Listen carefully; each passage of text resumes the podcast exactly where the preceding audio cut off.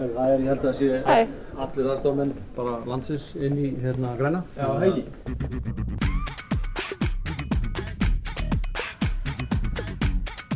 Já, það væri góður liður að vera með live úr græna herbygginu. Kannski svona hluti úr þessum fótballsleik. Aðstofamannabekk. Aðstofamannabekk. Við vorum um þetta að ræða að við erum svona nána stressaðri stundum en formennir. Uh, ég var að koma úr öðrum þætti þannig að ég ákvaða að fara bara heim og fara úr jakkafötunum og Ég bara undirbý mig ekkert öðru sér heldur en að laka bara til að koma. var bara eitthvað að næra mig og drekka vatn og Ég er bara með þetta hérna allt í minni hjartastöð. fór bara sloppinn í nokkra í, í 90 mínútur.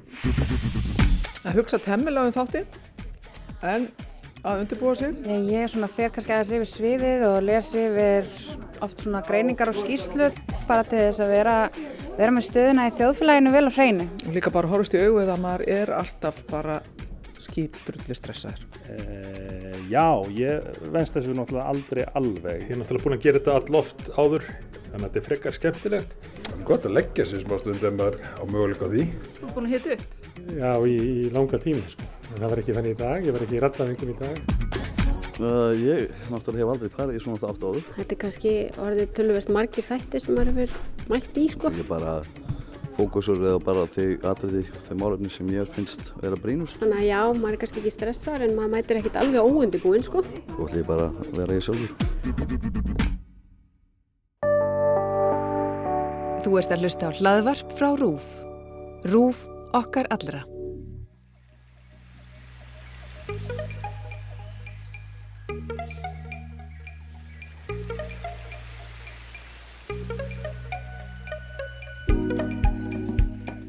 Þú ert að hlusta á X21 kostningahlaðvarp RÚF. Nú eru 24 dagar til kostninga og ég heiti Hólmfríður Dæni Fríðansdóttir. Og ég er Guðmundur Björn Þorbjörnsson, Hólfrið, hvað voru að hlusta á þarna?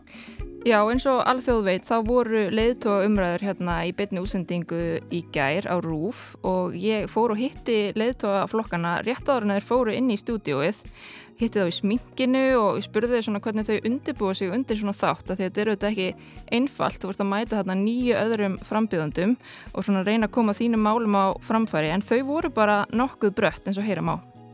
Já, og þessar leiðtóa umræður verða í forgrunni í þætti dagsins af X21.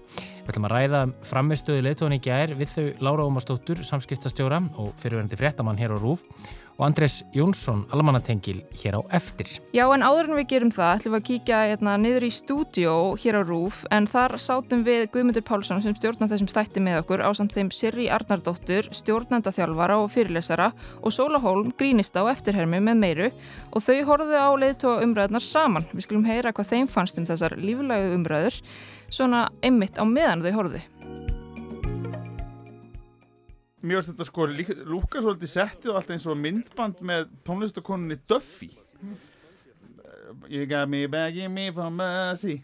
Það var svona það fannst þess að væri allir að fara í eitthvað svona flashmob og fara, fara að dansa. Mér finnst einhvern veginn svona settið og það vera svona eins og svona wannabe 60s á, á 2001. öldinni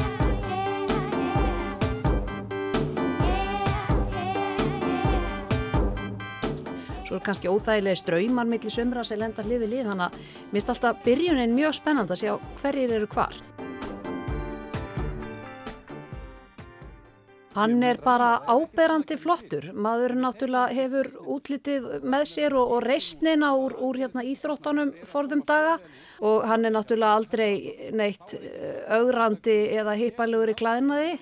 Þetta er alltaf svona skotelt og Við sjáum þetta Huggulegt. ekki hvort að buksunar eru út við þar, skamma það, við sjáum það ekki. Efast um það. Það getur verið.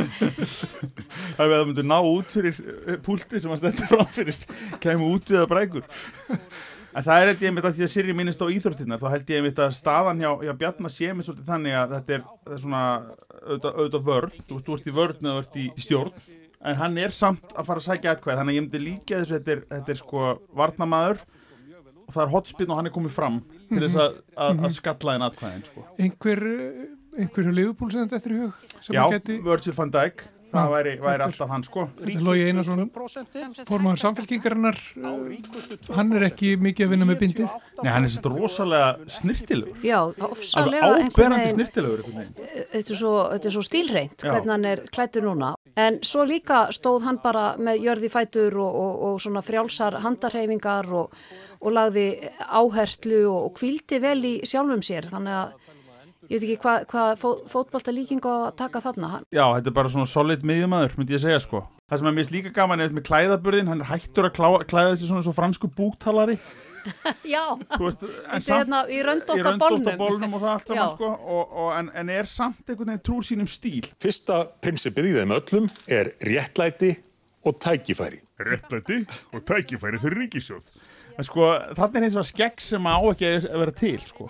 Og maður getur ekki annað en, en hérna, e, hugsaðum rátt nautahakk þegar hann byrtist þarna af því að mm -hmm. mjög slengt náttúrulega fyrir pólitíkus að þeir hverfa og það gerir Sigmundur Davíð svo sannarlega ekki. En hann, hann er þarna líka sko með mjög góða rödd. Mér fannst allt í hennu eins og hann, hann hefur sofið vel. Ég er enda saman því, hann er langt síðan að vera síðan svona frísklega en kallin, mm -hmm. það er greinilegt að það er algjör mistökja fólki að vera elda matinn sín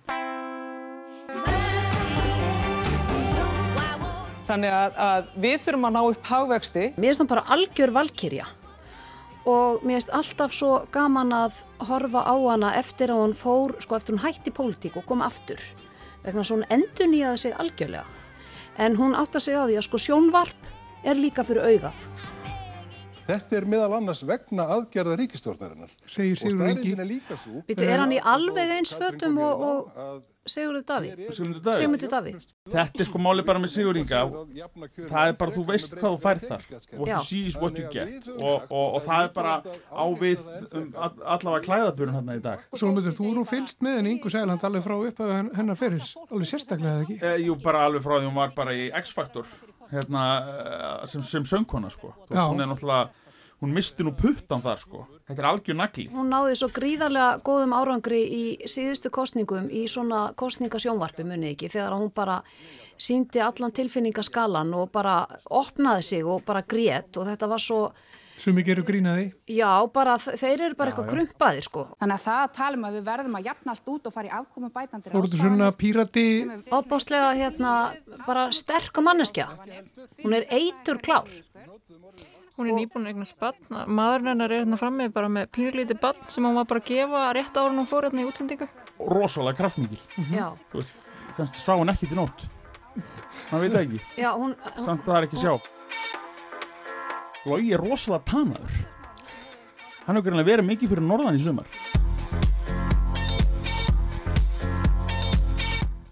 En Katrín er vinsalsti stjórnmálamæður landsins, samkvæmt könnunum. Já, en hún er náttúrulega alveg bara yfirbyrða manneskja.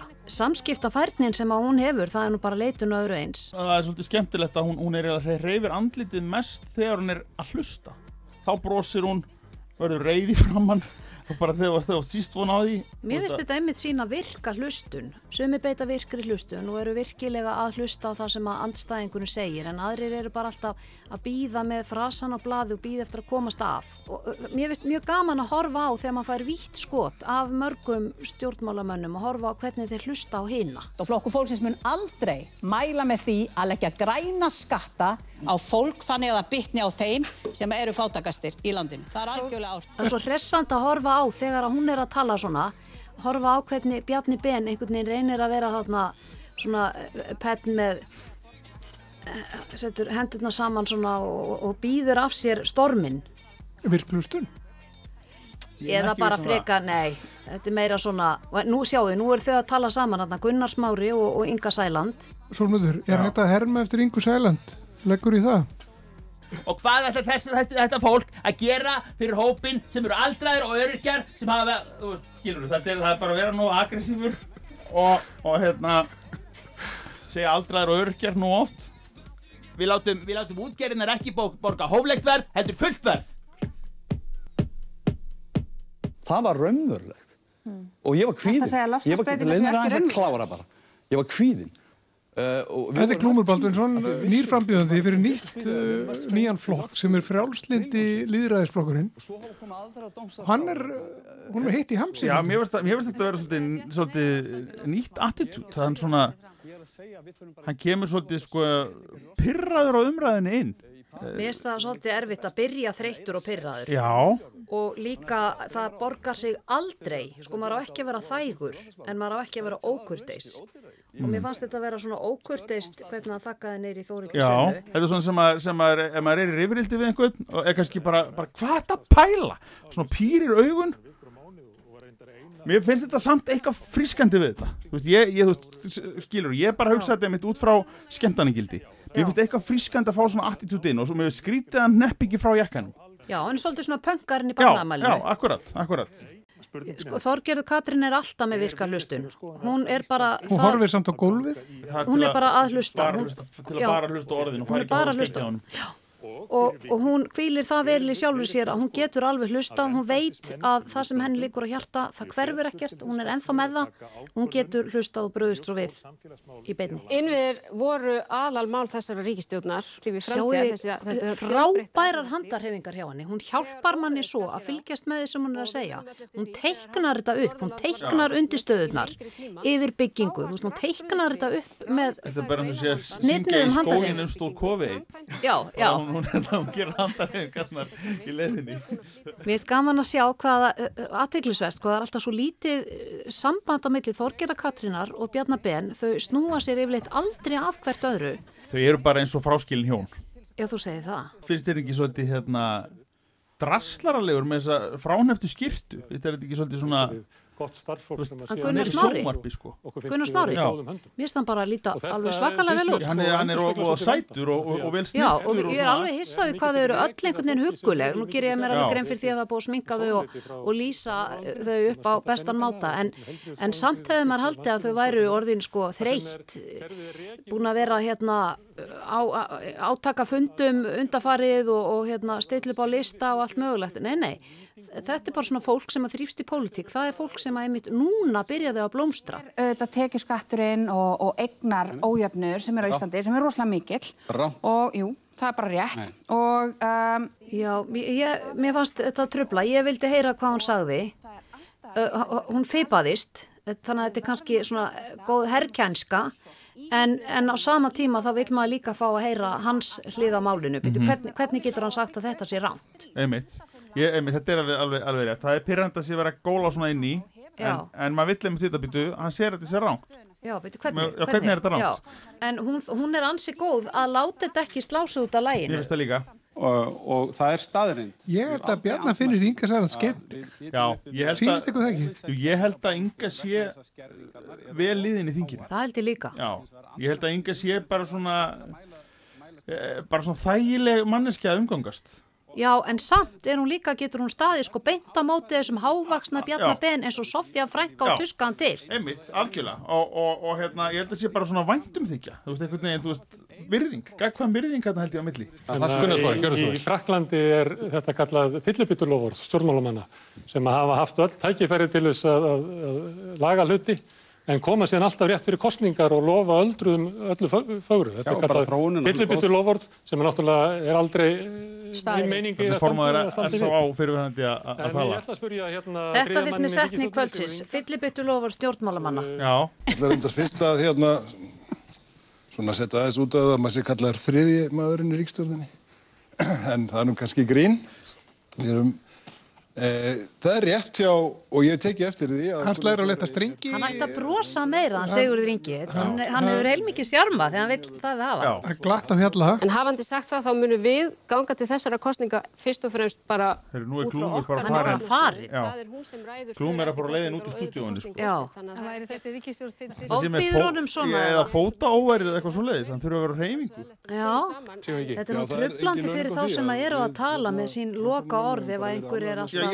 að á á að- að að að ég séð annað eins. Nei, Nei, ég að tala, ég hef aldrei séð svona í, í, í, í, í, ábe- í áleika þætti að geti bara ekki staði kjör við, við borðið. Ég skil, ég skil ekki... Hann er eiginlega komin á bak við hérna, Já, bara, já, bara leikmyndina, já, sviðsmyndina, já, Já. akkurat. Mér finnst þetta miklu meira skemmtilegt en jólin.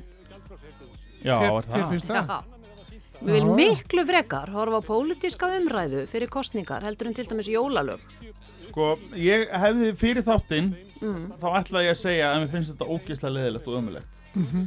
En núna sitjandi hér, horfandi á þetta bara og, og, og gefandi með smá tíma í það þá er þetta alls ekki leðilegt en ekki kannski svo jólin, ég finn nú ekki alveg þangað sko. ég, ég vil fá að heyra mitt jól alla daga með eitthvað haug sko. Guð minn En- góður en og nú hérna- fer það að byrja bara strax eftir kostninga byrja já. Þau eru sest hérna hjá okkur Lára Ómarsdóttir, samskiptastjóri og fyrir fréttamæður hér á Rúf og, og Andres Jónsson, almannatengil. Þið fylgdust með þessum leittóumræðum í gær og, og þegar ég horfði á þetta þá, þá hugsaði ég strax í byrjun, ah, mér finnst ég að hafa séð þetta svo oft áður, mér finnst ég að sé að horfa á Eurovision, mér finnst ég að hafa heyrt þessi lög áður. Hvernig, hvernig komið þetta ykkur fyrir sjónu? Voruð þið, þið ánað með þetta? Var þetta, þetta skemmtilegt sjónvarp? Mér fannst það, mér fannst það gott sjónvarp og hérna, kannski, kannski var það því að vendingarnar voru einmitt ekkert miklar og, og, kann, eða kannski er það því að ég á rættir í pólitíkinni og, og hérna og svona þú veist eh, fannst gaman að fá einhver alveg pólitík sem þú Davíð hefur nú talað um það hefur nú ekki verið talað um neitt af COVID hérna í eitt og halvt, tvö ár. Þannig að svo fannst mér bara eh, svona umgjörðin flott. Ég sá það að voru margir sammála því og, og hérna, kona mín er mikið að fylgjast með hérna Bachelor og, og Bachelor í Paradís hérna Pipasettin í Paradís og, og þetta er svona smá þannig sko, það er allir með eitthvað svona okkur hlutur þú fara að tala núna, núna far þú að segja eitthvað í myndavæla, nú far þú að spurja þennan þetta er svolítið kannski svona format sem við erum hendan útímanum og við elskum að horfa á sko. Já, og svo náttúrulega fólk kannski að gefa öðru fólki undir, aðeins undir fótinn svona. Já, mér fannst þetta bara mjög skemmtilegt og, og saman á því að hérna, myndir leit vel út, uh, allt upp og fallegt uh, uppröðunin, þannig að maður sá til dæmis í byrjun alla frambjöndur í einu, það, það kom vel út, uh, þá sá maður líka sko fyrsta frambjöndan eða það er svolítið merkilegt hvað föt geta gert mikið bara, uh, að það var bara strax eitt frambjöndi sem stóð út bara úr víðumyndinni. Uh, og, hérna, og það fannst mér líka skemmtilegt svolítið að, það, að einhver frambjöndi hefði ákveðið að leika sér svolítið með liti. Uh, umræðina voru líflegar og það tókst bara nokkuð vel að stýra þessu þrátt fyrir að þau séu svona mörg. Og ég veit náttúrulega bara gammalli reynslu að það er rosalega flókið að halda utanum svona umræður þegar að fólki er svona margt í salnum sko, þau eru tíu og hérna en það tókst bara þó nokkuð vel fannst mér. Og svona í heildina liti uh, stóðu svona meiri hlutin af frambjóðandunum sig líka frekar vel svona heilt yfir En þetta voru engar svakarlegar bombur frá þeim. Fannst ykkur eitthvað koma á óvart?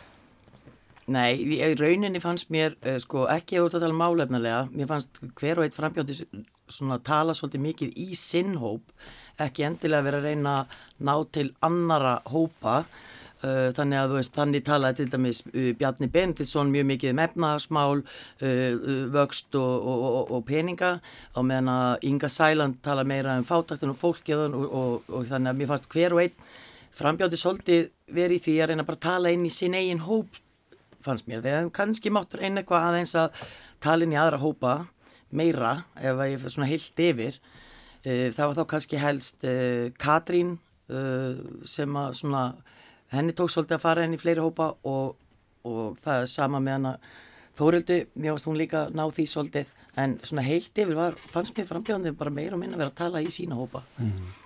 Já, voru náttúrulega margir að keppa við vendingar líka sko og hérna mm -hmm. og þetta er það eitthvað personubundi þannig að það eru ekki allir að vera sammála sem horðu og, hérna við hefum kannski ekki insýnin í haus, hausin á öllum þeim sem að voru að horfa en, en, en þetta var svona spurning líka sko, ef mér gastu stækka eitthvað það sem það hafðir fyrir ég er sammálega að Þórildur Sunna var svolítið svona hérna það var svona pondus í henni og svona smá ráþeraleg einhvern veginn mm -hmm. og hérna e, og náði svona að vera smá kvöstur áttu við án þess að missa sig einhvað eða hægt að vera svona virðileg og það kannski koma óvart fyrir pírata um, Ég, svo er spurning sko, náttúrulega væntingar miklar um að sósélasta flokkurinn sé spútning og hann er unni spútning svona fram, fyrirlöta kostningabartunar er að veist, vaksa í fylgi og, og þú veist nýr þá að komast inn á þing þannig að ég var svona svolítið eins og Gunnar Mári væri smá stressaður á stóru sviðinu, hann er vanar að vera einn með orðið eða einn að móti mm. svolítið geta gripið frammi og svona en á því að maður sá ekki alltaf í mynd og að leiði langt að myndlega, hálf gleindi maður að væri þarna því að mm -hmm. Maður, svo, maður er ekki vannur í þessu umhverfi og hann ekki vannur. Já, ég er svolítið samanlega þessu. Ég, hérna, ég átti vona því að hann er þið beittari. Mm -hmm. og það er kannski þessi, þú talar um væntingar fólk, fólks, fólk vænti þess að hann kæmi mm -hmm. svolítið sterkur þannig inn. Um, þetta er náttúrulega fyrsta skitt sem hann tekur þátt í svona umræðum og ég menna ég bara trúi því að hann muni bara eblast þegar líður á baráttuna. Það var annað líka sem að mér fannst áhugavert að Sigmundur Davíð uh, í þessum umræðum var ekki hjákáttlegur eða eða hérna kjánalegur eða neitt slíkt, hann var mjög málefnalegur. Hann kom sínum sjónamiðum skýrmerkilega á framfæri. Og þetta finnst mér vera til bóta frá því fyrir fjórum árum ef við ber saman uh, framistöðunast þá og nú. Uh, þannig að hann kom mér óvart Uh, ég, hann var oft svona hleypa svona þáttum upp. Já, en, það kom mér óvart hvað hann var rólegur og yfirvegar og virtist bara vera með allt. Mm. einhvern veginn undir kontról Þóldur Sunna kom líka mjög verið ja, og, og hérna hún kom upp lögðan inn. En Það spurning með sko Sigmund af því að hann hefur haft þetta orð og fólk segir svolítið svona á förnum vegi er svolítið að tala um já Sigmundur Davíl hýttur að koma með einhverja sprengju eh, eitthvað svona. Þannig að hann var ekki þeim buksun þannig að kannski Sigmundur sem fólk bjóst við en það er þá spurning hvort að það hvort að sigmundir sem er, er málefnilegri og minna svona varpastórum sprengjum og, og hérna efna til svona hérna hnútukasta að hann, hitti betur í mark þegar hafa náttúrulega þurfa að auka fylgi sitt með kannanir. Sigmundur er uh, einmitt já, fyrstur á, á listanum yfir þá, yfir þá uh, formen og leittóa sem við ætlum að taka fyrir hérna sérstaklega þess að þetta og við erum aðeins búin að tala um hann nú þegar kannski svona bara áðurum við, áðurum við ljúkum, ljúkum við hann og framistuðu hans í gær uh, finnst ykkur að þá vera svona að tala til annara stjórnmálumanna hinna leittóa með öðrum hætti heldur en hann hefur gert aður? Já, mér finnst að bæði verið að gera það en aðalega fannst mér að bara vera að tala uh, beitna til almennings og kjósenda. Og mér fannst hann vera að höfða meira til bara fólksins í landinu heldur en oft áður. Uh, og hérna hann var greinilega alveg með á tæru hvað hann vildi segja þarna, hvaða skilabóðum hann ætla að koma á framfæri. Og hann kom þeim bara mjög vel til skila. Uh, að því leitinu til koma mér býna óvart, ég verði að segja það. Einmitt, hann svona hann virðist þar svolítið að höfða hann er svolítið sem er alveg held í góð hérna, góð, sko, gæti verið góð strategi á stefna í stjórnmálum er svona hann svolítið að reyna að vera gegn síndamennsku þú veist, hann er mhm. svolítið að segja hérna, hér er verið að segja þetta en raunverulega er þetta svona og, og svona, svolítið svona fólk sem er ekki endilega hrifið af stjórnmálum það er svolítið sjáu hérna, þú veist, hann er, hann er svolítið að tala til þess hóp, svona fór beinti fólki í landinu mm -hmm. Og, og hérna en án þess samt að vera með einhver svona, þú veist, það, það kannski e, sást eins og þegar hann misti stól fórstæðisáþur að, að, að hérna, fólk vil heldur ekki hafa einhvern sem er of e, hérna, ól, mikið ólíkita tól. Þannig að hann er vantalarinn að feta þannig veg. Já, og hann, hann tókst líka bara vel að svara uh, beittum spurningum spyrlana þarna, fannst mér. Mm -hmm, mm -hmm. Við ætlum að gera þetta í, í sömuru og þau gerðu Jóhanna og Heiðar í þættinum gær hófi eh, næstur á mældarskrá var hver? Glúmur Baldvinsson, hann stóð þarna við hliðin á Sigmundi, annar formanna frálslinda líðræðisflokksins og hann er líka meitt að fyrsta sinna að stíga þannig inn, inn í myndverið og, og í svona kappræður. Mm. Hvernig fannst ykkur hann standa sig?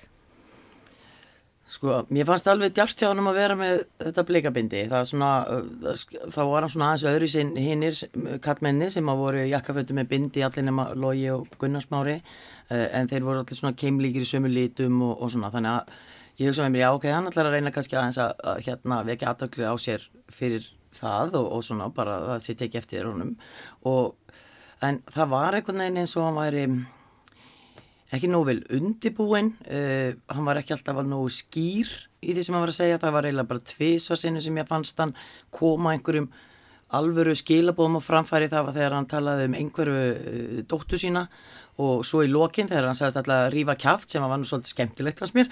Enda svo leiðis en, en, hérna, en það var bæði eins og hann væri já, bara ekki alveg nógu vel undibúin hann var, virkaði svolítið erðalös var stundum að lappa frá púltinu og svona um, mögulega er þetta einhver taktík, ég, ég veit það ekki um, en hann það sem hann nú mistóðs kannski helst að gera var bara að koma stefnumálum síns flokks á framfæri ég í rauninni sitt eftir allavega og veit ekki almennilega fyrir hvað flokkurinn stendur Andrés, hvað segir almanantekillin? Er, er þetta eitthvað taktík sem að, já, menn í hans stöðu geta notað að koma inn svona reyðir á svona miklum svona, já, vera, vera svolítið fúll eins og, eins og Lára segir?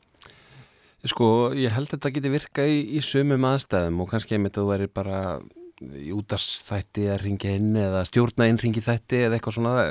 Þú veist, það er eitthvað svona það er alveg, þú veist, það er alveg svona pyrru taugat núti eða heitum potti eða eitthvað. Við þekkjum öll svolítið svona hvaðan hann var að tala. Hann var svolítið svona, mm. hvað er hérna í gangi með þetta og hvað er nú eiginlega að gerast með þetta? Og, veist, og fólk segir nú bara þetta og en samt er allt í ruggli og það var svolítið þarna sko en, en mér fannst það bara ekki ganga á þessu stóra svið ég held að fólk, þú veist, hann var, hann var að keppa í eigin deild mm -hmm. hann var svolítið svona, kom inn sem einhvern veginn og, og hann tók það, ég hérna Uh, svona, ég ætla að vera hann svona svolítið talað um sig svolítið og blandaði sér svolítið í þetta þegar ég var strákur og það sem ég ætla veist, ég er komin hérna til að og eitthvað og það svo var svolítið ég er sammála lára á kostnað sko innihaldsins og fær svo lítinn tíma mm -hmm. Þannig að þetta svona og svo nýtt hann heldur ekki uh, tíman eins vel eins og hinn í frambjóndunir að því hann talaði yfirleitt miklu stittra og spurningar hans spurningin til þeim sem hann bara upp var miklu stittri en annara mm -hmm. uh, svari hans var stutt uh, sérst, og þegar hann svaraði yfirleitt alltaf mjög stutt mm -hmm. þannig að hann kannski nýtti heldur ekki hérna nægilega vel uh, þennan vettvang en hérna En sagði nú samt að, að hann hefði nú alla komið stað fyrir, fyrir hinnum Já, já, hann sagði það, náttúrulega hann kvartaði undan því en, og, og stundum er það þannig að þú þarf bara að grípa svolítið orðið það voru sumi sem gerði það náttúrulega. Uh, og hann hefði líka mátt nota betur þegar hann þó fekk orðið tíman til þess að koma uh, meiru á framfæri. Og hann bara læra þessu og, og hérna spýtir í lóana og ég hlakka til að sjá hann aftur bara Já, ég tek alveg undir það en ég held samt að hann hafi tapast svolítið mikið á tækifæri. Hann hefði mm. þurft, að vera með aðra taktík og hérna djartbindi og, og svona vera aðeins hérna sá sem þú ert. En hann hefði þurft að ná einhverju svona að þetta lenda eitthvað högg sko eða mm -hmm. einhvern tíma aðeins að hitta sterkar í mark. Og þá held ég að hann hefði getið að fengið svona einhvern meðbyr í, í, í könnunum en ég held að þessi þáttur hef ekki gert mikið fyrir hann. Nei, ég held ég og hans flokk Fyrir þá yfir í e, Þórildi Sunnu Ævarsdóttur oddvita pírata í Suðvestu kjörðami sem, sem stóð þarna við hliðan honum og, og glúmur sussaði nú eftirminnilega á einum tíum punkti e, Þið nefndu hana aðeins hér á þann og, og virtust bara nokkuð ánað með hana. Já, uh, hérna, hún hefur farið mjög vaksandi sem stjórnmálumæður finnst mér á síðustu árum og það, það eru þetta bara mjög margir hann í píratum. Svolítið ólíkt því sem að svona orðsporið var í uppafi og, og svona sem hefur reynda kannski að politískum anstæðingu þeirra að halda lofti að þau séu svo óstjórntæk og, og svona þeir hafa eiginlega á köplum eruðu meira sér svona meira að vitna í hérna í mannreitnindarsáttmála og samtíktir Európus ráðsins og, og hérna eru oft betur lesin heldur í stjórnmálamennindur og svona en hún hérna, mér fannst hún ná bara að Já, bæði talin í pírata vera gaggarinn það sem, það sem þau hafa fengið svolítið held ég fylgi út á er að þau hafa verið mjög gaggarinn hérna, fyrir þá sem að vilja aðhald um, þau, hérna, og hún náði að halda því en hún náði líka eitthvað neina að hérna, svona lítið út fyrir að geta verið í ríkistönd. Mm -hmm. Ég er samála þessu hún, uh, og þessi flokkur eins og Andris nefnir sko, ég man bara þegar þau buðu fyrst fram að, að þá voru bara mjög margir sem að voru að gera grína pýrutum og, og fannst bara hugmyndið þeirra að vera vittleisa og ég veit ekki hvað hvað, það var bara að tala þannig um hennar flokk. Uh, flokkurinn náttúrulega sjálfur hefur vaksið og sérstaklega með hana þarna í brotti fylkingar. Hún hefur vaksið gríðarlega. Nú talar hún bara eins og hún er hverki annars staðar heima en þarna nákvæmlega Uh, hún meiri segja, sko, mér fannst meiri segja að vera þannig eitthvað Eh, sko ríkistjónadadur í gangi í gær og, og hérna þegar milli hennar og, og, og annara þannig bæði viðreysn og samfélgjum og jafnveg meiri sem vinstri græna og það er svolítið skemmtilegt sko. Það er svona í fyrsta skipti sem maður sér eitthvað svona dadur í gangi hjá býrutum sem hafa mest verið bara í andstöðni mm -hmm. og hún var líka bara hún kom fyrir, hún var mjög örug hún svaraði mjög skýrt. Hún, hún leti ekki taka, sig, hérna, taka af sér orðið eða slási út á læginu og þannig bara stjórnmálmenn virka eitthvað neyn og þessi framkoma hennar hann ekki var bara til fyrirmyndan fannst mér. Gekk, En gekk vel sér til í umhverfismólakaplan fannst mm -hmm. mér, uh, úst, var vel heima og, og það var svona svolítið svona uh, úst, náður svona einhvern samræðum og svolítið þannig að hún var eftirmili, ég myndi klálega að setja hana svona eina af þeim sem að gekka best. Mm -hmm. um, en hérna en svo kom nú í fréttum að uh, píratar útilöku ríkisana þáttöku nema það er því hérna, ný stjórnarská Já, við sáum náttúrulega að hún, hún, hún spurði Katrínu út í það í gær og, og, og kannski svona í ljósið þess sem þér að segja hérna núna, þá hafa hún kannski meira verið að tala svona til kjósenda heldur en til annara stjórnmálflokka mm -hmm. það, það, Þar var hann alveg klárið að gera það því að eins og flest allir vita þá er náttúrulega þessi stóri hópur fólk sem að vil uh, að, að það verði þessi nýja stjórnarskráðan verði sett veist, hún verði byggð á tilögum stjórnlaðar á þessum tíu og það er hópur á Facebook 20 og eitthvað þúsund manna hópur það voru undirskriftalistar sendir inn og þannig að hún er, var alveg klárlega þar með þeirri spurningu að tala beint inn í þennan hóp uh, ég man ekki betur en að var ekki bara um helgina sem að Katrín Ottsdóttir kemur fram og, og, og hérna það sem að hún lýsir yfir vonbröðum með það að Mr. Grænir ætla ekki að styðja uh, þessa tillögur mm. þannig að þetta, það var ákveðin leikur hjá Þórildi Sunnu þarna uh, í, þessari spurningu er engin spurning að það var það sem voru að hugsa sko. Kan kannski bara skjóti inn líka veist, að, við, að það er ekki búið mikið að tala um pólitík og hérna núna eru við að fá svona snarpa kostningabortu uh, hérna að Uh, að sko við erum líka bara að horfa svolítið nýtt landslag mm -hmm. píratar voru svona eitthvað uppristnar uh, þú veist tímabutti frambóð en núna er eiginlega vinstri menn sko þeir eru búin að afsamina sig þú veist þeir eru búin að sundrast að nýju og það eru einhverjir margi flokkar, flokkar að keppu sömu kjósundur og þá kannski spilar einmitt inn í að vera með góða frambjóðundur eins og Þórildi Sunnu. Veist, meira heldur en einhvern veginn þú ert svolítið að fiska sömu miðum nokkri flokkar og fólk er kannski meira að fá að horfa á hverjir eru með skilikustu hérna, talsmennina Þannig að við erum svolítið að horfa held ég á landslega sem verður í næstu árum í pólitík og við þurfum að þess að hægt að tala um þetta eins og eitthvað litlu flokka, eitthvað að tala um fjórflokkin sem eitthvað fasta og hitt sér eitthvað frávík. Já, það er alveg, það er, algjörlega, það, það er lungu hægt að geta, vera hægt að tala um það þannig. Akkurat. Og ég, dótti mín sagði mér í gær þegar við vorum að horfa á þetta að hérna, af hverju eru, hún spurði bara af hverju eru allir vinstri flokkarnir af hverju saminist bara ekki allir þessi flokkar? En það er einmitt þessi ágreiningsmál sem hafa verið þetta eru ekkit stórmál en þegar kannski vinstra fólk ákveður hvað ætla að kjósa þá er það, er það kannski stjórnarskráin eða er það fátækafólki eða hvað ætla að setja í forgang? Og þá hafa það, það er þannig sem þau skera uh, sérst á milli þessara flokka Lógi Einarsson, formaður samfélkingarinnar er næstur á blæð og það er eins og þið segja, það er mikið húi fyrir þessa flokka sem er að mælast svona, já, 10-11% og samfélkingin og píratar eru þess, til dæmis þessi flokkar. Hvernig fannst ykkur Lógi standa sig? Sko, uh, ég hérna, Lógi var ekki alveg ja, örgur og góður eins og ég kannski held er því. Uh, hann fjall svolítið í skuggana þessum tveimu konum sem stóðu við liðin á hann það er að segja Þóruldi Sörn og, og, og Katrínu Jakobsdóttur kannski var það máli, ég veit ekki. En, en hérna, mér fannst hann ekki alveg ná að koma uh, sko frá sér vel. Uh, hvers vegna samfélkingin sé eitthvað betra val eldur en til dæmis vinstrigræn eða píratar sem dæmi. Um, ég veit ekki alveg hvað veldur, uh, hann er oftur betri. Þannig að ég, ég verð að segja það, já, ég, hann, hann svona var ekki alveg, alveg að standa sig fannst mér nú vel. Ég sko, hann hefur náttúrulega verið frekar ósynlegur í gegnum COVID eins og kannski flestir stjórnarnastu uh, leiðtöðarnir og hérna átt, þá er alveg svolítið með að held að hann hafi til dæmis bara mjög sjaldan verið í, í viðtali í, í fjölmjölum uh, hérna er með nokkra svona þetta, spræka þingmenn hjá sér og núna frambjöðundur mm -hmm. sem eru kannski svona meiri þú veist eh, sækjast í sviðsljósi meir en hann og, hérna, og þetta er svolítið svona hann hefur sagt í gennum tíðina að hann sé ekkit endilega, hann sé meiri þjálfari heldur endilega fyrirliði mm. í þessu liði um, mér fannst hann hins vegar, þetta fer þetta kannski hvernig maður meða vendingar sko. Já, já.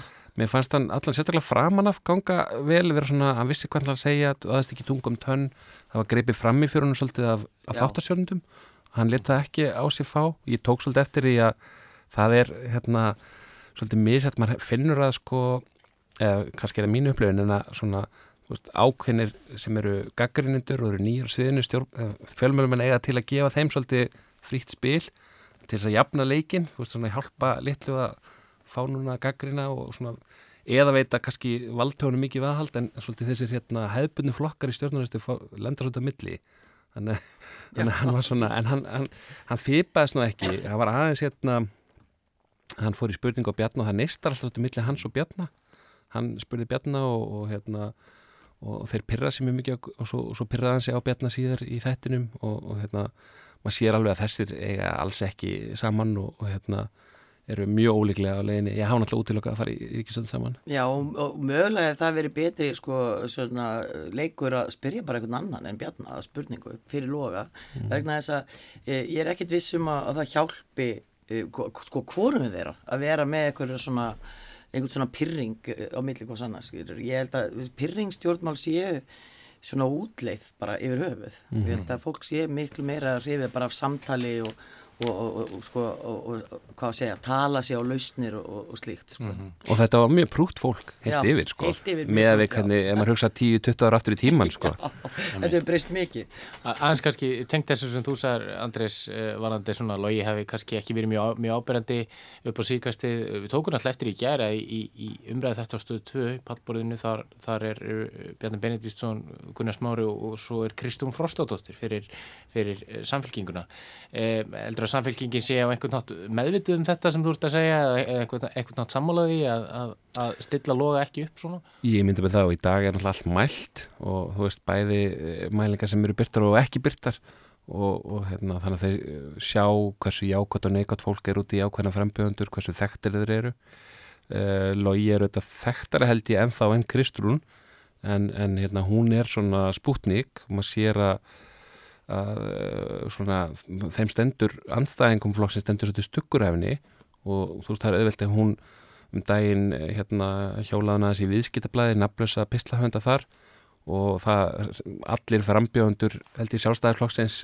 frá efstæði næsta sæti hérna tjáðu þessu um þetta hvað þetta væri nú óþáru upplöpi á Kristúna þannig að maður sér svona hún ég held sér ekki óskynsalt hjá þeim að tepla henni fram en auðvitað eru þeir að tepla formannu fram núna og mér fannst hann, mér fannst hann ekki standa sýtla mér fannst hann uh, hérna, Nei, nei, hann en þetta er bara ekki bara hans svona, hann, hann, hann glansar ekki þessu nei. hann er ekki hann er næskur, ég held sem engum illa við hann veistu, við, heldum, við, við heldum ekki hans ég, hérna, það er ekkert svona held ég neikvægt beint við hann en, en, hann, en hann var heldur ekki sá sem bara af hann er ekki svona hefðbundir stjórnmála fóringi sko. mm -hmm. þá skulum við tala um Ég hef ekki að segja vinsalasta stjórnmálamann á Íslandi, fórsættisráður Katrínu Jakobsdóttir. Mm -hmm. uh, hvernig komst hún frá umræðum gerðkvöldsins? Að mínum að þú komst mjög vel frá þeim. Hún er alveg einstaklega lægin uh, að koma fram. Uh, hún er alltaf skýr og skeleg og hún lætur aldrei slás út af læginu. Hún klárar það sem hún ætlar að segja. Hún tekur svolítið orðið þó að sé reynda bæði af þáttastjórnundum og öðrum að stoppa hana af að þá klárar hún það sem hún ætlar að segja og uh, já, mér finnst hún bara já, mér fannst hún koma bara mjög vel uh, fram að ég gæri þá er ég ekki uh, já, mér fannst hún bara koma sínu stefnumálu framfari samt hefði mátt kannski gera aðeins meira því. Hún talaði svolítið mikið um árangurinn hvað búið sem er eðlilegt kannski. Uh, hún verið störa mjög stolt af þessum árangur sem þessi ríkistjón uh, hefur náð og, og hún einblíti mikið á það. Uh, það var mögulega það eina sem vanda upp á var að sjá svona aðeins skýrar hver framtíðasínin er mm -hmm.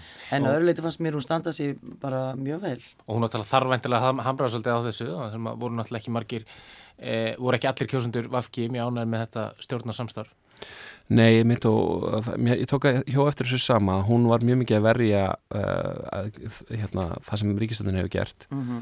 og uh, afreika skrá að hennar mæti og, og hérna Um, og hún er náttúrulega svolítið, hún er búin að tapa þrýðungi af kjósundum sínum, mælingar sína frá síðustu kostningum um, ég held hún síðan alltaf veði á að fá lausafylgi að því að hún nýtur mjög mikið fylgi sem fóristum að þjóðarinnar. Ég held að það velkist engin í vafum það að hún, stjórn, hún ræður miklu um það hverju resta ríkistun verður og, og hún, verður, hún er eiginlega eini kandidatin í fórsættisráðar eins og er.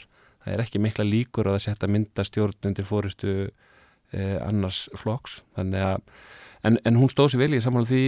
Hún, hún er náttúrulega bara þú veist, orðin reynslu mikil hún, hún er létt, hún er búin að vera svolítið í kostningabarutinni eh, bara svona svolítið létt. Hún hefur verið að fara um að hitta fólk taka myndir að sem er geitum, þú veist skarta fallegum lópapeisum, hún er svolítið svona vinna með sjarmann sem ég held sé alveg rétt hjá henni, en þarna eh, kom hún alveg mjög innbeitt og, og hérna ætlaði ekki að láta eigan þetta inn hjá sér uh, mér fannst hérna aðeinsvært þessi spurning til Þorgjara Katrínar um um hvort viðrist gerði Európa-sambands aðeld að skilir fyrir hérna ríkisundamyndin? Já, það var mjög aðtilsverð vegna þess að líka því að það vita svo sem allir að heilbreyðismálinn og, og hérna hefur verið svona kannski þessar, þessi ríkistjórn hefur kannski verið mestu mandræð með að ná saman þar og það kom líka skýrt fram þannig gær að uh, það er ekki sama stefna hjá sjálfstæðismennum og vinstri grænum varðandi heilbreyðismál uh, þannig að því því ljósi fannst mér alveg sérstaklega aðtilsverð að hún skildi spyrja Þorgeri Katrina þessu.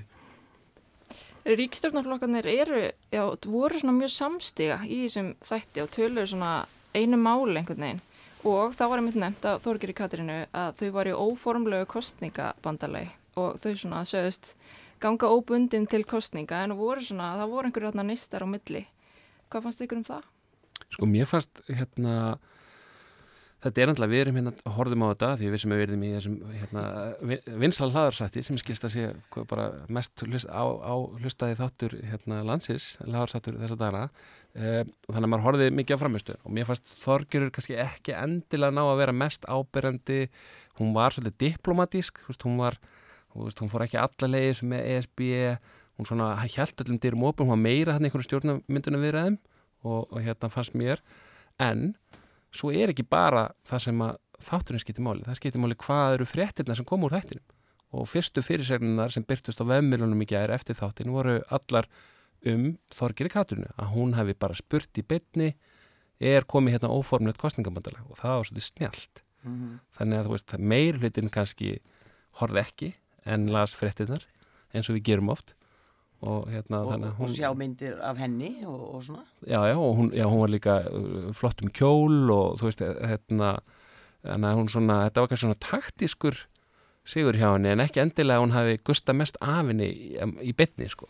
Nei, Lára, hvernig fannst þér hún kom mér fannst hún, mér fannst hún hérna, byrja mjög vel og hérna, en ég sammála því hún var mjög diplomatísk og það var svolítið svona eins og verið að þreyfa fyrir sér með hverjum getið unnið eða, og, veist, og gefa svona undir fótinn svolítið mikið þessi spurningar, eða þetta, þessi fulleringar um þetta kostningabandar var náttúrulega frábær og svo var hún stór glæsileg það er ekki að neyta því, hún var allt öðruvísi klætt en allir hinnir í samfestingu og, og hérna sem var mjög lítríkur og þannig að hún greip auga þarna í upphæfi þáttanins allavega hjá mér þegar ég byrjaði þáttanum var bara svona wow, í hvernig, hérna, hvað er þetta? Veist, þetta er mjög óvanlegt, sko en hún barða vel og hérna hún svo sem hún var ekkert eitthvað hérna stórtækust langt í frá en uh, eins og andrið nefnir að þá er það einmitt fyrirsagnar og myndirna sem koma eftir sem skipta líka gríðarlega mjög máli og hún náði því.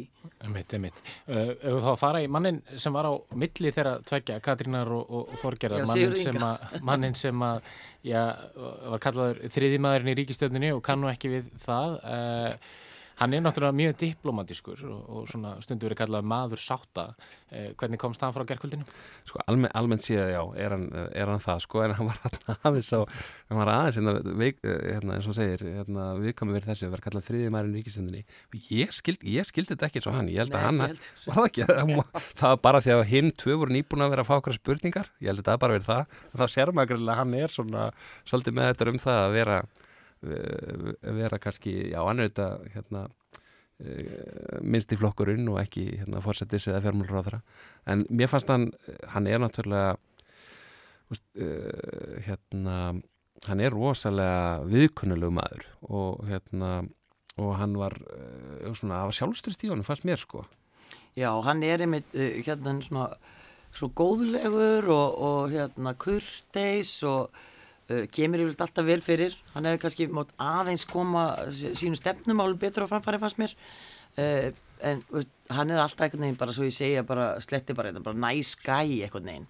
Uh, hvort að veist, það hérna gefa hann eitthvað fylgi veit ég ekki veist, en ég held að öllum finnst það næs gæi Já, hann svona hérna Eh, já, hann, hann var ekki byndarinn að einhvern veginn að lofa einhverju eða eitthvað svolítið en hann var líka svolítið að tala um hérna, bara árangurinn mm. og, og hérna og auðvuslega leiðið mjög vel í þessu samstarfi En ég fannst það vísileg mjög skemmtilegt að, að hérna, svara hans við samvinnu félagsspurningunni fannst mér mjög og þetta var náttúrulega frábær spurning til að byrja með frá Gunnar Smára og hérna uh, það var svolítið gaman svona að sjá svona glitt detta í gamla hérna, framsóknatakta hjá Sigurð Inga þar í því svari. Ég, ég skemmti mér yfir því.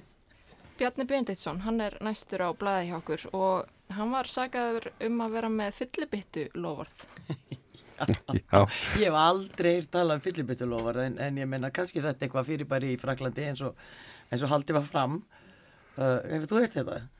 Ég hef aldrei eftir þetta en, en hérna, þetta er svona mjög góð ræðutaktik að segja í, í þessum, þessu gulti verða hérna, líðræðis ríki þá er talað alltaf um þetta. Uh, Daví Oddsson á þetta mikið, hann sagði það þekkist hverki nokkur staðar. Og, og maður vissi ekkert, gæti ekkert kanna það nánar sko. Þannig að það var alveg ákveðt staktík en, en jú, Bjarni hann svona uh, náttúrulega bara oft kemur flottur uh, flott fyrir sjónvarpi og náttúrulega mjög vanur.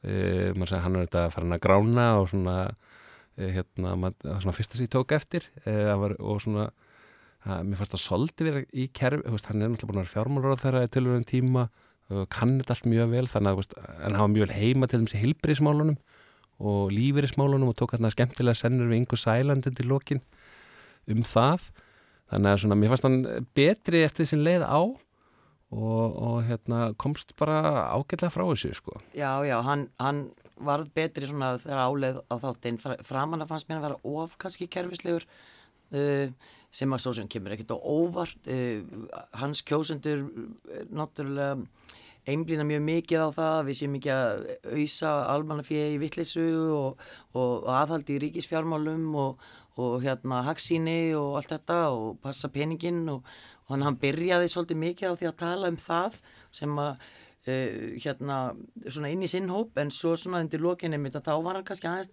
fann að tala meira um uh, bara hluti sem að ég bara man ekki eftir að hafa heyrt uh, sjálfstæðsmennin talum í langan tíma hjó eftir því að nefndi þarna hjálpa fólki til sjálfsjálfar sem er slagur frá sjálfstæðsflokknum frá 1930 eða eitthvað tíma sér bara þegar flokkanum var stopnað mm. þetta var svona uh, gömul gildi hann fór að vísi gömlu gildin og ég vel, fór að velta með hvort hann væri með þessu einhvern veginn að reyna að höfða til þeirra sjálfstæðsmanna sem hefa farið úr flokknum uh, þeir eru líka verðast að vera að koma með nýja stefnu, hvernig hann var að tala um með heilbreyðsmál, uh, eh, lífyrirsjóðakerfi, hvernig hann vilji breyta því. Þetta finnst mér að vera svona nýjar áslíka bjarna. Hann kosti ákveðlega frá þessu, uh, hann, hann blómstraði ekkert, mm -hmm. hann, en hann hérna misti heldur ekki einhvern veginn uh, kúlið eða veist, hann varð ekki ofpyrraður eða neitt slíkt, þannig að hann var bara svona Já, svona svolítið bara fór í gegnum þetta nokkuð létt svo leiðis, svona hann er náttúrulega mjög vanur. En þið töluðum það, sko, fyrir ekki að, að hérna, Lógi og, og, og Bjarni hefði verið hérna þess að munnhugast og það er eitthvað báðir betur sletti, hvernig... hvernig... Já, mér, það er mín skoðin, sko. Ég, hérna, er, hvernig kom Bjarni út úr því til dæmis?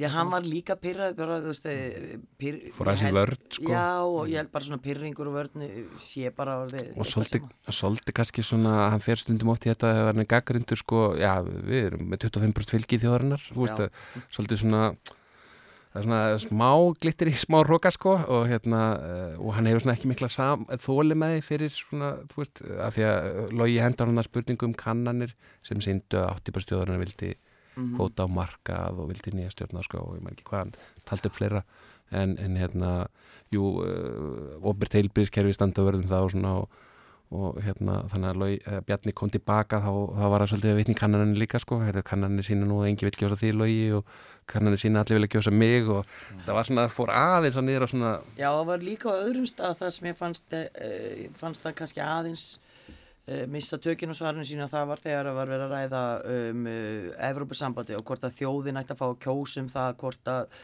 ættum að halda áfram viðræðum eða ekki Uh, og þá ákvaði Bjarni að fara inn á það, það, það sé ekki hægt að láta þing uh, fara gegn sínu vilja þó mm -hmm. þjóðin vilja það.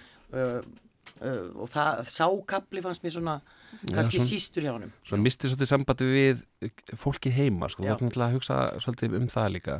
Og svo er bara, það er mjög erfitt að reyður í sjónvarpi. Það er, mm -hmm. það er bara mjög fáir nei það er bara mjög fáir sem að geta það mm -hmm. En talandu um það, þessi kannski erfitt að vera reyður í sjónvarpi og fáir sem geta það eh, ef það er einhver sem getur að erða þá ekki líklega enga sæland Jú, hún, hún hefur alveg hún er held ég bara svo eina mannskja bara í, í pólitík sem að hefur bara máð það. Einmitt, hún er alltaf fljúandi mælsk. Eh, hvernig, hvernig komst hún frá þessu í gerkvöldi? Mér finnst hún bara eh, komast mjög vel frá þessu og hérna komið mér ekkert óvart samt heldur, verðin að þess að ég átti alveg von á því. Og hún er eins og segir mælsk, hún er hérna grípur til skemmtilegra orðatiltaka og málsátta og alls konar og notar Skemmtileg framíköll Já, og svo hérna vöktu hanskarnir sem var með aðtikli, náttúrulega sem að gera hann svona aðeins öðruvísi en hinna þannig hún stóð líka út úr þar. Uh, hún tala náttúrulega bara svo ótrúlega skýrt hvað það er sem hún vil gera. Og það er að útrýma fátækt og, og hérna og þetta er bara þeirra stefnumál. Mm -hmm. er, þetta er bara flokkur sem að ætla sér bara eitt hlut í raun og, og hérna þó hún að sé líka tala um sko í svo í lofslagsmálum þá, veist, þá nefnir hún ekki neinar aðgerð sem flokkur fólksins ætlar að fara í beint heldur bara hvernig ætlum við að fara í gegnum orkuskipti ef að fátaki geti ekki dramaspíl þannig að all hennar sín er þar flokkurinn stopnaður utanum það og hún kemur þeim skilabóðum mjög vel á framfæri. Án þess að virka einhvern veginn eins og sé eitthvað, þú veist, barma sér eða væla, þessi einhvern veginn tapari sko, þú veist, hún er svolítið svona nær einhvern veginn að halda svolítið veginn hlíleika í samskiptun líka hefur veginn léttleika líka sem að mm. afvopnar aðeins kannski anstæðingana gegn því að svarinni mjög hart Já því hún reyðist ekki beint Nei. þannig við þá sko. hún getur alveg reyð beint í myndavelin og sagt eitthvað bara svona það gengur ekki bara í borð og farið að gráta og gera allar, allt svoleiðis en það er ekki, og svo hún tala samt alltaf svo fallega því góða fólk hér þú veist, viljið ekki bara vera með mér í þessu og svona Já, ávarpaðu nafni og sér kæri bjarni minn og eitthvað svona Já. sko og þetta er ákveðin tækni sem hún hefur náð og, og, og það er líka bara afreg að sko vera spútningin tvær kostningar í röð veist, að koma inn í þess að þetta það er erfitt og núna er að margir spáði að sósélista verði spútningin og helst að kostna hennar flokks, flokks hólsins þannig að þetta var mjög mikilvægt fyrir hann að hún var eiginlega meira svona, þú veist, að skapa líf og fjör í þessum þætti heldur en, heldur en aðri, sko. Já. Og svo beintur orðið sínu náttúrulega Gunnar Smára einhverju tímpötu og, og svona í að því að hann ætti nú bara verið í flokki fólksins. Já, já, já, og hann sagði, já, Já, það er nú að öðrum ástæðan sem við erum ekki hérna, saman í flokki, hann útskýr það nú ekkert nánar en e, það er náttúrulega margir sem hugsa það. Af hverju eru þessi flokkar ekki bara eitt flokkar? Og það gæti alveg verið ef að nokkur flokkar ná inn, eða margir flokkar ná inn, að það verði einhverja saminningar mm -hmm. veist, eftir að, hérna, Það er búin að skerpa á svona öllum, öllum innvið til dæmis hjá sósélistum, ég menna þetta er nýr flokkur, þeir eru ennþá svona að feta sig hver þeir vilja vera og hver þeir vilja staðsetja sig, þannig að það er alveg eðlilegt að finnst mér allavega að þeir gefi sér svolítið tími í það. Mm. Síðast en ekki síst Gunnar Smári Egilson formaður Sósalistaflokksins. Við vorum svona aðeins búin að tala um hann. Eh, Sósalistar eru á flugi í skoðanakonunum. Eh, en hann er svona þekktur fyrir að vera aldrei kvass en var svona frekar rólegur í gerðkvöldi. Já, hann, með, það virðist að það verið bara meðvitað ákvörun að hann ætlaði að hann var þingmannalegri heldur en hann er vanur. Þú veist bara eins og hann var í komin og, og veist, kannski er kannalum þar að gefa honum það þú veist hérna er nú þurfum við að þú veist bara nú erum við komin hérna á sviði með hinnum formununum og með, þurfum ekki bara að svona uh, skeita hérna uh, skapa okkar á þeim sko og, og hérna skamma þá. Um, ég fannst hann sko það var svolítið svona já þetta var erfitt aðeins format fyrir hann en, en það má líka segja að, að, að hann hafi svona með það sem ég sá á netinu þá voru sko stuðnismannans ánæði með hann. Og hann virkaði ekki svona, það er kannski skiptið máli hann er að keppa um kjósendur til dæmis við Vafgi til dæmis við samfélgninguna mögulega og svo flokkfólksins og hérna þannig að ef hann hugmyndin er að heyrðu, við erum hérna alvöru flokkur að þú þart ekki að kjósa Vafgi að þú heldur að sóséltaflokkurinn sé bara einhvern veginn hérna eitthvað ekki, veist, og hann tala svolítið mm. þannig. Við sem vorum reyfing og mm. dró svolítið einn eblingu og, og verkefelsefinguna og vildi svona stækka sig sko. Þannig að hann var svona að byrja að hugsa strategíst fannst maður í þessum þætti. Og þetta er náttúrulega ástriðu fullur maður og, og hann svona held sér tilsælulega rólu held sér á móttunni alveg meðvita sem lítur náttúrulega að vera einhver liti ágætt og skipta máli svona út af við. Já, hann síndi það að hann getur gert það Uh, margir veist, uh, vilja meina veist, að hann sé á köplum hrókafullur uh, og væstur og gífurirtur og annað fínlíkt en hann var alls ekki þannig í gær. Og hérna, mér fannst hann alveg mér fannst mjög klókt hjá hann um að tala um um verkalýsreifinguna, almenning hann, hann var að tala fyrir fólk, við fólk meira heldur en kannski svona einhverja elitu, hann einblindi mjög mikið á það að tala um að þetta ríkasta prósent ætti að borga meira til samfélagsins og þetta gengi ekki lengur að færa þannig að hann tala svona á sama hátt og, og ebling hefur gert og, og, og fleiri og þú talar um verkakonuna sem ekki fyrir því að fara til læknis og þannig að og allt þetta, þannig að mér fannst hann uh, tala mjög vel til síns hóps og vona og hérna, og hann var örgulega vonast þess að hann væri að ná líka til fleiri eins og vinstri, annar vinstri uh, hópa. Uh, gott hjá hann að, koma og, og hérna sína það að hann getur verið rólegur og yfiröður og samt uh, talað af uh, ákafa og, og festu. En uh, kannski út af væntingum að það var ég samt að einhvern veginn svona að langaði mig kannski að fá eitthvað meira svona, uh, hvað segja, spark frá hann mm. Uh, heldur hann kom, en kannski kemur það bara á síðari stegum, þetta er ágætt, þetta er byrjun, hann er að byrja, hann er að koma fyrst inn í þessa barótu og, og svona. Mikið eftir svona þátturinn er náttúrulega þátturinn sem er í síðustu vikunni. Nákvæmlega. Og þú veist það er að ná einhverju góðu. Og það tókst hjá Ingo Sæland já. í síðustu kostningum þannig að það getur verið að Hann var mikið inni allavega. á, á, á, Já, Emitt eh, að stundu sagt að vika sér langur tími í pólitík og þá vantala sérstaklega langur í kostningabarótu eh, svona í lokin, eh, hvernig finnst ykkur þetta að fara að stað og, og, og er þið spennt fyrir komandi vikum? Já. Yeah. Já, byrjað þú? Já, já, ég er svona, maður er búin að býða eftir þetta byrji og þetta byrjaði einhvern veginn í þessari viku og maður bara finnur það, þú veist, allt í einu svona uh, er það komið á fullt alveg að flokkarnir eru farin að hitta fólk og maður sér það á samfélagsmiðlum og, og hérna það er eitthvað svona, þú veist, eitthvað það er, hérna, við erum tala mikið um líðræðisveslur og þú veist, það er, þetta er uh, skiptur þetta máli að, að fá valdi aftur til fólksins á fjárara þresti og, og hérna og þó að veist, þetta sé óvunlega kostningur sem er segja að það er ekki snúast um neitt og rumurlega sé ekki einhvern veginn fara að kjósa um mikið núna nema bara hvernig er það að standa sig í COVID og þú veist hérna að þá, þá, þá er þetta alltaf svona svolítið gott að fólk þurfi að koma og byggja matkvæðin og aðeins að breytum gýr og aðeins að þurfa að segja okkur hvað þau vilja gera í fremtíðinni það eru stór mál eins og lofslagsmál uh, sem, er, veist, sem þarf alveg að fá einhverja svona, einhver, einhverja sínum þannig að mér finnst þetta bara spennandi. Ég, hérna, ég held að þetta verði skemmtileg minn strúfur að sinni svo vel. Frábært að hvað þessi þáttur er næstu á hverjum degi eða að hérna e, þetta er alveg efni sem að, sem að hérna, og, og, og kostningar held ég sem að þú veist e, hérna, na, e, þetta er eitthvað sem að höfða til flestra, við erum með hátt háa, hérna, -hmm. háa kjörsókn og, og hérna, þannig að þetta skiptir máli fyrir langflesta. Já, mér finnst uh, hérna, hérna kostningabarðan svona eiginlega bara byrja, hafa byrjað núna bara já, eiginlega bara þessari viku nánast uh, Óvinni seint, segja sem er Já, mér finnst það óvinni seint hérna, en mér finnst þú fara vel að stað ég er ána með að COVID verðist ekki allavega ennþá vera aðal málið heldur það er verið að tala um aðra luti sem skipta málinn í framtíðina. Og það er ég mjög ána með að allir flokkar verðast að átta sig á því að það er ekki bara hægt að tala um uh, COVID, uh, einhvern sjúkdóm sem að verður mögulega bara búin eftir ári að 2 ári að 10 ári uh, þetta þarf að vera einhver stefna þar.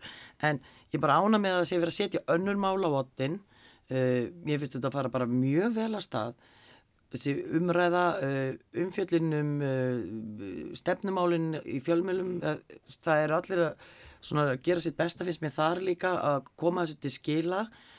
Og já, ég held þetta bara verði hérna af því þetta er svona stuttutími þá held ég þetta verði fjörugar og, og sko, skemmtilega þrjár vikur bara næstu þrjár vikur, ég held að. Og bara heilti við góðu kostir. Já, er það ekki? já, engin spurning. Mjög góðu kostir, allir Já, þetta eru bara frábæri lokaord. Kæra þakki fyrir komuna, Lára og Andris. Uh, en ertu með einhver svona leið svona til að gýra þig í svona þátt? Svona... Já, bara þú veist að verða eins, reyna að verða eins reyður ég get áður en það er í útsending. Hvernig gerir það? Ég er að hugsa um hvernig K.R. hefur verið að tapa leikjum þetta verið og Manchester United hefur ekki staðið sem nú vel. Það verður okkur fyrir síðasta þáttin, þá tekum maður hérna Welcome to the jungle áður maður mætir. Nei, ég hef ekki gert það. Ég er ekkert að hlusta á Ramstein eða neitt svoleiðis áður en að ég fer í þáttinn. Uh, bara hlakka yfirleitt til að fá að tala um pólitík. Bara, ég er bara fægjald upp alla daga. Þegar ég vakna á mótnuna þá er það bara hvað ætla ég að gera fyrir byltingun í dag. Þetta er bara eitt af því sem þarf að gera. Ég hlusta á, bara áðan, þá kom ég aðeins heim fyrr af fundi sem ég var og þá náði ég að fara út í göngutúr, 20 minna göngutúr með hundin og blastaði góðu og gamlu dúbíbróðislægi. Talking Heads, hlustaði á í dag? Ég mælu með að powerposa, það er, það hefur reynst mér vel. Þá setur ég stellingar eins og til dæmis uh, Wonder Woman, bara með hendur á mjöðmum, stendur þannig bara í tvær mínútur, það er að gera þetta bara inn á klósit eða þú vilt ekki vera ábyrgandi með þetta sko. Og það bara hjálpa mjög mikið með að ná stressinu og líka mann. Já, stundum þá ger ég það mitt í sturtunni, þá set ég á viskiðin því djar með Metallica og syng hástöfum alveg. Nei, róa sig. Bara innvera smá stund og hérna íhugun. Þau voru flest með svona aðferð til að gýra sig einhvern veginn, að hlusta að háa tónlist eða eitthvað þannig. Þú ert ekki ekkert í því? Uh, jú, jú, ég, ég hérna, stundu fer ég út með hundin eða hérna, mér dætt í huga áðan hvort ég geti haft tíma til þess að fara upp á æfingarteg og slá bara 100 bolta út í loftið með gólkílfunni, en ég gerði það nú ekki. X21 er á enda í dag, nýr þáttur kemur inn á allar helstu hlaðarpsveitur og inn á spilaran á rúf.is á hverjum virkum degi. Á morgun höldum við áfram að ræða við nýja frambjöðundur og þá kemur til okkar Helga Torberg, oddviti sósalistaflokksins í norð-vestur kjördæmi. Verði sæl og takk fyrir að hlusta.